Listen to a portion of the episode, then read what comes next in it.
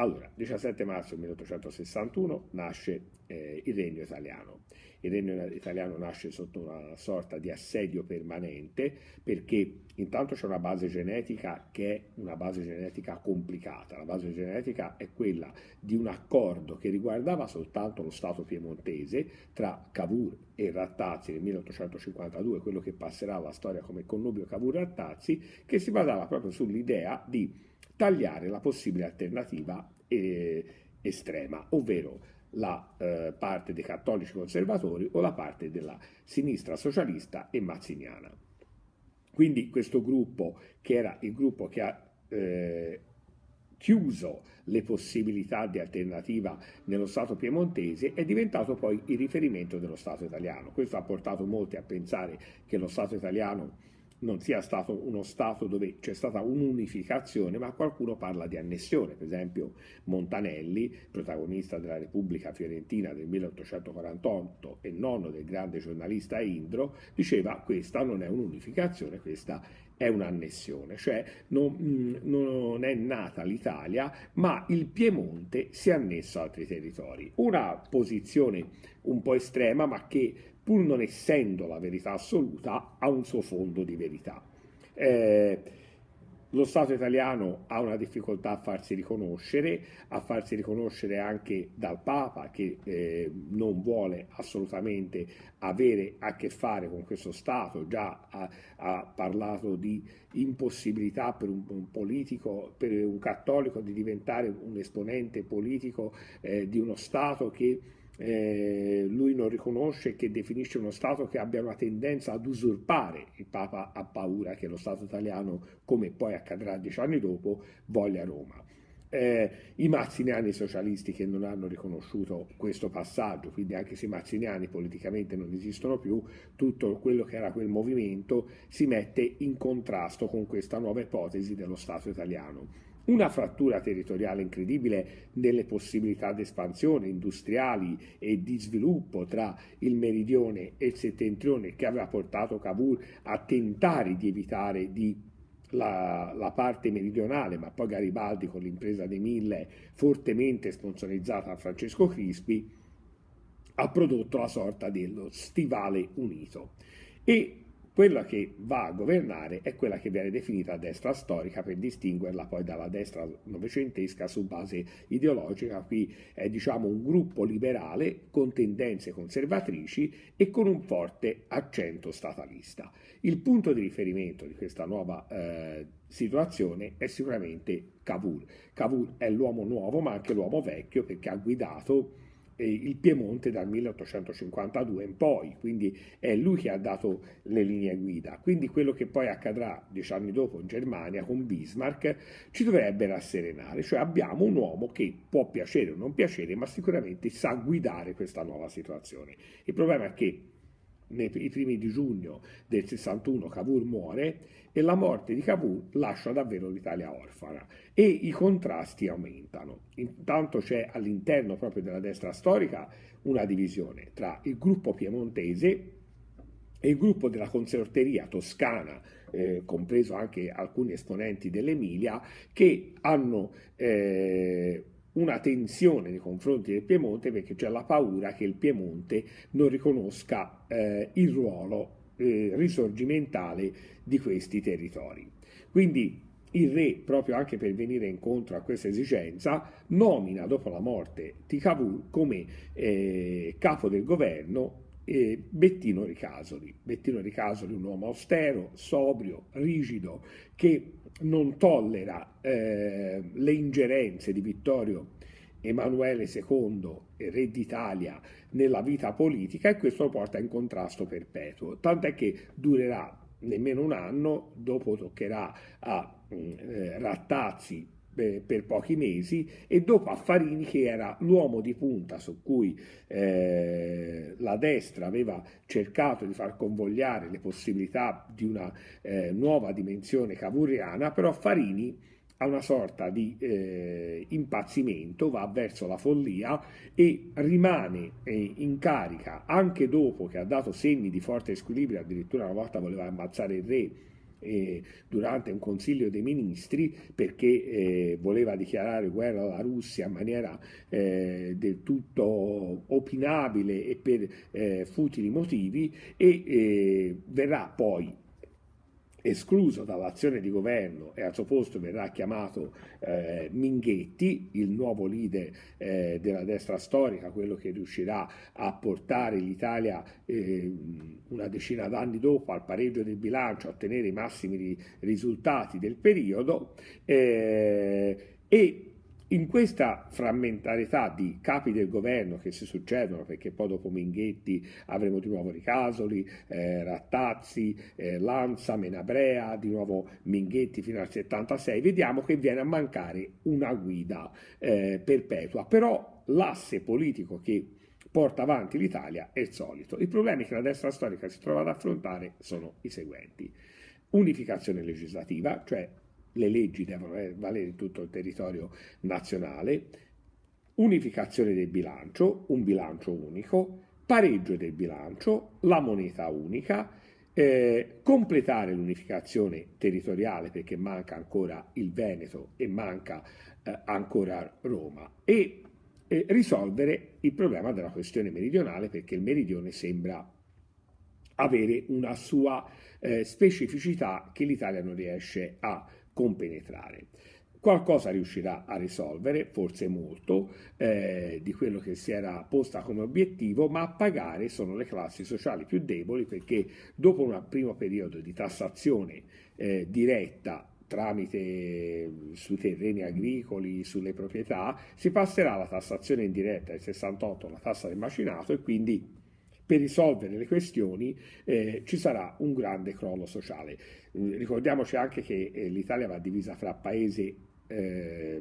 reale e paese legale. Paese reale è un paese che vive situazioni drammatiche, paese legale, ovvero di quelli che votano circa 400.000 persone, ne- nemmeno l'1,9% dell'intera popolazione, perché pagava, eh, poteva votare chi pagava almeno 40 lire di tasse, che era una cifra molto alta per l'epoca. Quindi eh, chi fa politica non ha eh, chiaro qual è il problema del paese perché vive una sorta di dimensione sua, la vede dal suo punto di vista, di quella parte del corpo elettorale che comunque vive in situazione agiata ed è quello che deve essere convinto.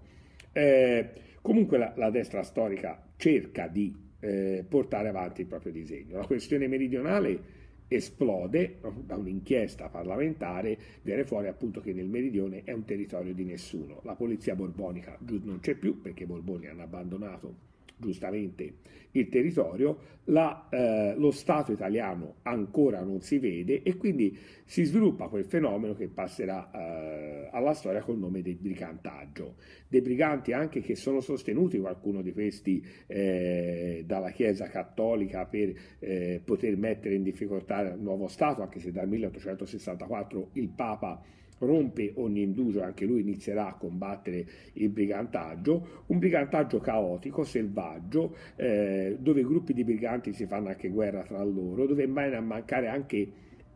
una coesione, cioè i briganti non diventano la nuova guida, eh, ma met- saccheggiano semplicemente il territorio. Il brigantaggio viene affrontato con decisione dalla destra storica. Viene fatta una legge, la legge Pica, una legge che consente all'esercito di intervenire eh, in modo sommario, anche senza processo. Si alternano nel meridione eh, militari rigidissimi, duri, repressivi, come la Marmora, Cadorna, eccetera, e quindi Sembra anche che abbiano risolto la questione a un certo punto, no? perché nel 65 eh, la legge Pica viene tolta perché gli effetti del brigantaggio sembrano eh, finiti, anche se nel 68 poi si svilupperà un nuovo brigantaggio proprio in corrispondenza alla tassa sul, eh, sul, macinato e sarà un brigantaggio proprio strutturato, meno violento, meno rigido, ma più organizzato, anche perché il brigantaggio si è sviluppato nella, mh, nel meridione continentale, non nella Sicilia perché in Sicilia una sorta di potere esisteva, quel potere che poi purtroppo prenderà il nome di mafia, Cosa Nostra, ovvero e in Sicilia le famiglie più potenti hanno capito che il nuovo Stato era uno Stato che poteva essere un problema per loro, per i loro affari e che quindi dovevano gestire il loro territorio creando un ordine. E la mafia diventa poi un paradigma, un modello di riferimento perché anche Calabria, Campania, Puglia seguiranno quel modello e quindi avremo la nascita in tempi diversi di Camorra, Andrangheta, Sacra Corona Unita, quindi una sorta di criminalità organizzata che serve però anche a gestire il territorio. Questo è stato l'elemento più contraddittorio eh, forse del nostro paese. Quindi la questione meridionale la destra storica la vende come un risultato eh, di soluzione del problema, ma il problema è gigantesco perché le infrastrutture non ci sono, le, eh, la vita è una vita dove eh, la povertà si, si, mantiene e si diffonde in maniera enorme, dove non ci sono gli acquedotti, non ci sono eh, le strade, non c'è uno sviluppo industriale, perché lo sviluppo industriale eh, con l'abbattimento dei dazi doganali rimasti tra i territori, perché l'unico territorio è considerato l'Italia, fa sì che le industrie del meridione, che pure esistevano, anche se erano poche, non potevano essere concorrenziali alle industrie settentrionali. Eh, Un'altra questione che la destra cerca di affrontare è il completamento dell'unificazione e qui ci riesce. Eh, nel 66 la terza guerra di indipendenza eh, viene di fatto creata da Bismarck, Bismarck attacca l'Austria per i propri interessi e fa entrare l'Italia per un bisogno di alleanze nuove che eh, aveva eh, in questa alleanza. Alla fine di questa guerra, senza grandi meriti, eh, l'Austria cede il, territorio del Veneto, aveva già ceduto la Lombardia nel 59 all'Italia, il Veneto più Mantova, anche qui si passa a cederlo a stati terzi come era stato per la Lombardia che poi lo cederanno all'Italia e quindi il Veneto eh, è diventato Italia. Manca la conquista di Roma, ci saranno due tentativi di Garibaldi, eh, sempre quando governa Rattazzi nel 62 e nel 67. Questi tentativi falliranno per la, l'atteggiamento ambiguo del governo che da una parte lascia fare Garibaldi, ma poi quando la Francia interviene eh, mandando lettere a Rattazzi dicendo di fermare Garibaldi, Rattazzi addirittura una volta manda le truppe eh, contro Garibaldi. Nel 64 la Francia ha preteso la Francia di Napoleone III una convenzione, la convenzione di settembre, per spostare la capitale da Torino ad altra città proprio per diminuire gli appetiti per Roma. Infatti diventa capitale d'Italia Firenze, anche se in realtà eh, il movimento politico, molti ministeri rimangono a Torino, quindi Firenze sarà più una capitale di nome eh, che una capitale di fatto. Nel 70, sta, sfruttando il fatto che i francesi che difendevano il territorio romano sono impegnati nella guerra franco-prussiana, avremo la breccia di Porta Pia. Non è un grande risultato dell'esercito, ma non c'è più nessuno a difendere e questo irriterà moltissimo il Papa che considererà questo veramente una dimensione di usurpazione, una profanazione del territorio e rifiuterà la legge delle guarentigie, la legge delle garanzie. In quello Stato italiano era disponibile a dare eh, una cifra importantissima, l'equivalente dei 15 milioni di euro eh, di oggi al Papa come risarcimento, riconoscimento dell'extraterritorialità dei palazzi Vaticano e Laterano, ma il Papa rifiuta sdegnosamente e anzi tre anni dopo rilancia quello che aveva già utilizzato il vero non expedit. Non conviene a un cattolico collaborare col nuovo Stato italiano perché verrà scomunicato. Quindi il, eh, la questione con la Chiesa non è assolutamente risolta, bisogna aspettare il 1929 i patti lateranensi fatti da Mussolini. Eh, le cose che invece hanno funzionato sono stati gli elementi formali del bilancio, perché la lira, che ha generato molti problemi eh, in meridione, comunque è diventata un punto di riferimento economico saldo e eh, nel 1975 siamo arrivati al pareggio preventivo del bilancio con Minghetti. Questo ha eh, prezzo sociale altissimo perché eh, un pareggio del bilancio era quasi stato raggiunto nel 66 ma poi nel 68 eh, con la tassa del macinato, eh, cioè nel 66 dopo la guerra di indipendenza le condizioni di bilancio sono peggiorate, nel 68 c'è stata la odiata tassa del macinato. E eh, la destra storica era riuscita a unificare eh, la legislazione perché in maniera molto semplice, cioè le leggi che valevano nel territorio piemontese sono diventate le leggi per tutto lo Stato italiano. Questo ha portato ancora più eh, acqua al mulino della consorteria e della sua polemica perché l'idea era proprio quella di dire allora è davvero un'annessione, davvero non si conta, davvero conta soltanto il, Piemonte. L'unificazione del bilancio è stata una scelta che poi invece l'Europa eh, non ha fatto eh, alla fine del XX secolo, qui si decide appunto che c'è un bilancio unico, non si mantengono i bilanci de, de, de, degli ex stati perché l'Italia fa una scelta che Cattaneo eh, aveva contestato di non diventare una, un, un, regno federale, ma di diventare un regno unico. E quindi eh, il bilancio del Regno delle Due Sicilie, della Toscana, di, si uniscono tutti in un unico bilancio. Eh, Quintino Sella nel 61 ha lanciato eh, la lira e quindi da un punto di vista proprio di gestione amministrativa di pulizia del bilancio, di organizzazione, la destra storica ha funzionato. Però, come si diceva prima, questo è stato pagato dalle classi sociali più deboli. E probabilmente proprio il fatto che ormai la destra storica avesse finito il proprio percorso, non era l'Italia, uh, un'Italia come quella di oggi, su forte scontro ideologico, cioè su eh, una divisione fra destra e sinistra su principi alti, no? Era proprio un elemento amministrativo, quindi quasi finito il suo percorso, ora c'è bisogno di maggior dinamismo. Nel 75 Minghetti riesce a rivincere le elezioni di un soffio su quella che viene definita la sinistra storica di De Pretis, un nuovo gruppo liberale, più liberista, eh, che ha l'obiettivo del suffragio universale, di fare delle riforme che lanciano l'Italia in una dimensione eh, europea anche da un punto di vista eh, di diritti e di dinamiche liberal-democratiche, si può eh, dire, anche se è un pochino azzardato, sembra essere eh, la nuova frontiera. Soltanto che De Pretis nel programma annunciato a Stradella in un comizio famosissimo si lascia un pochino andare per quello che era eh, il corpo elettorale che votava, perché ancora votava chi pagava 40 lire di tasse. Quindi l'idea di eh, combattere l'analfabetismo in maniera completa togliendo alla Chiesa il ruolo di eh, prima alfabetizzazione, eh, passare da protezionismo al liberismo nei confronti eh, degli, del commercio con gli altri stati. Eh, parlare di suffragio universale ha spaventato un pochino quell'elettorato che premia di nuovo Minghetti, però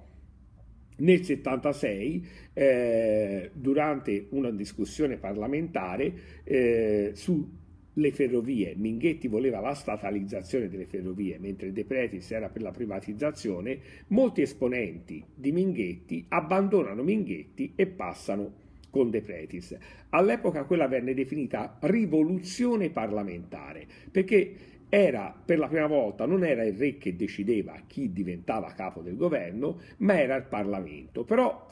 c'è anche un elemento altro da considerare, ovvero il tradimento che qualcuno definisce degli elettori. Gli elettori avevano dato fiducia ai deputati della destra per sostenere Minghetti, invece questi deputati hanno abbandonato. Quindi qualcuno definisce questa non rivoluzione parlamentare, ma ribaltone parlamentare, cosa che poi è accaduta moltissimo nel nostro paese, anche di recente, negli ultimi vent'anni, si basta pensare al primo governo Berlusconi che cade perché la Lega abbandona Berlusconi e nasce il governo Dini da quello che viene definito eh, un ribaltone parlamentare, o nel 2011 sempre il protagonista Berlusconi che eh, abbandona il governo dopo la lettera europea e diventa capo del governo Monti cambiando maggioranza parlamentare o eh, il risultato del 2013 che non dà nessun,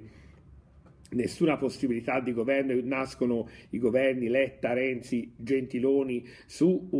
una maggioranza parlamentare anche piuttosto chiara ma con un, un rovesciamento di quelle che erano le alleanze presentate agli elettori. Quindi una tradizione che è tipica anche de, dei sistemi bloccati, però qualcuno invece legge il positivo, vede un parlamentare che eh, sganciandosi completamente dal vincolo di mandato è in grado di leggere la situazione a favore della dimensione pubblica e fa quello che serve di più in quel momento al paese. Quindi si passa dalla destra alla sinistra storica con questo passaggio parlamentare piuttosto ardito. De Pretis diventa eh, capo del governo e quello che mm, eh, mh,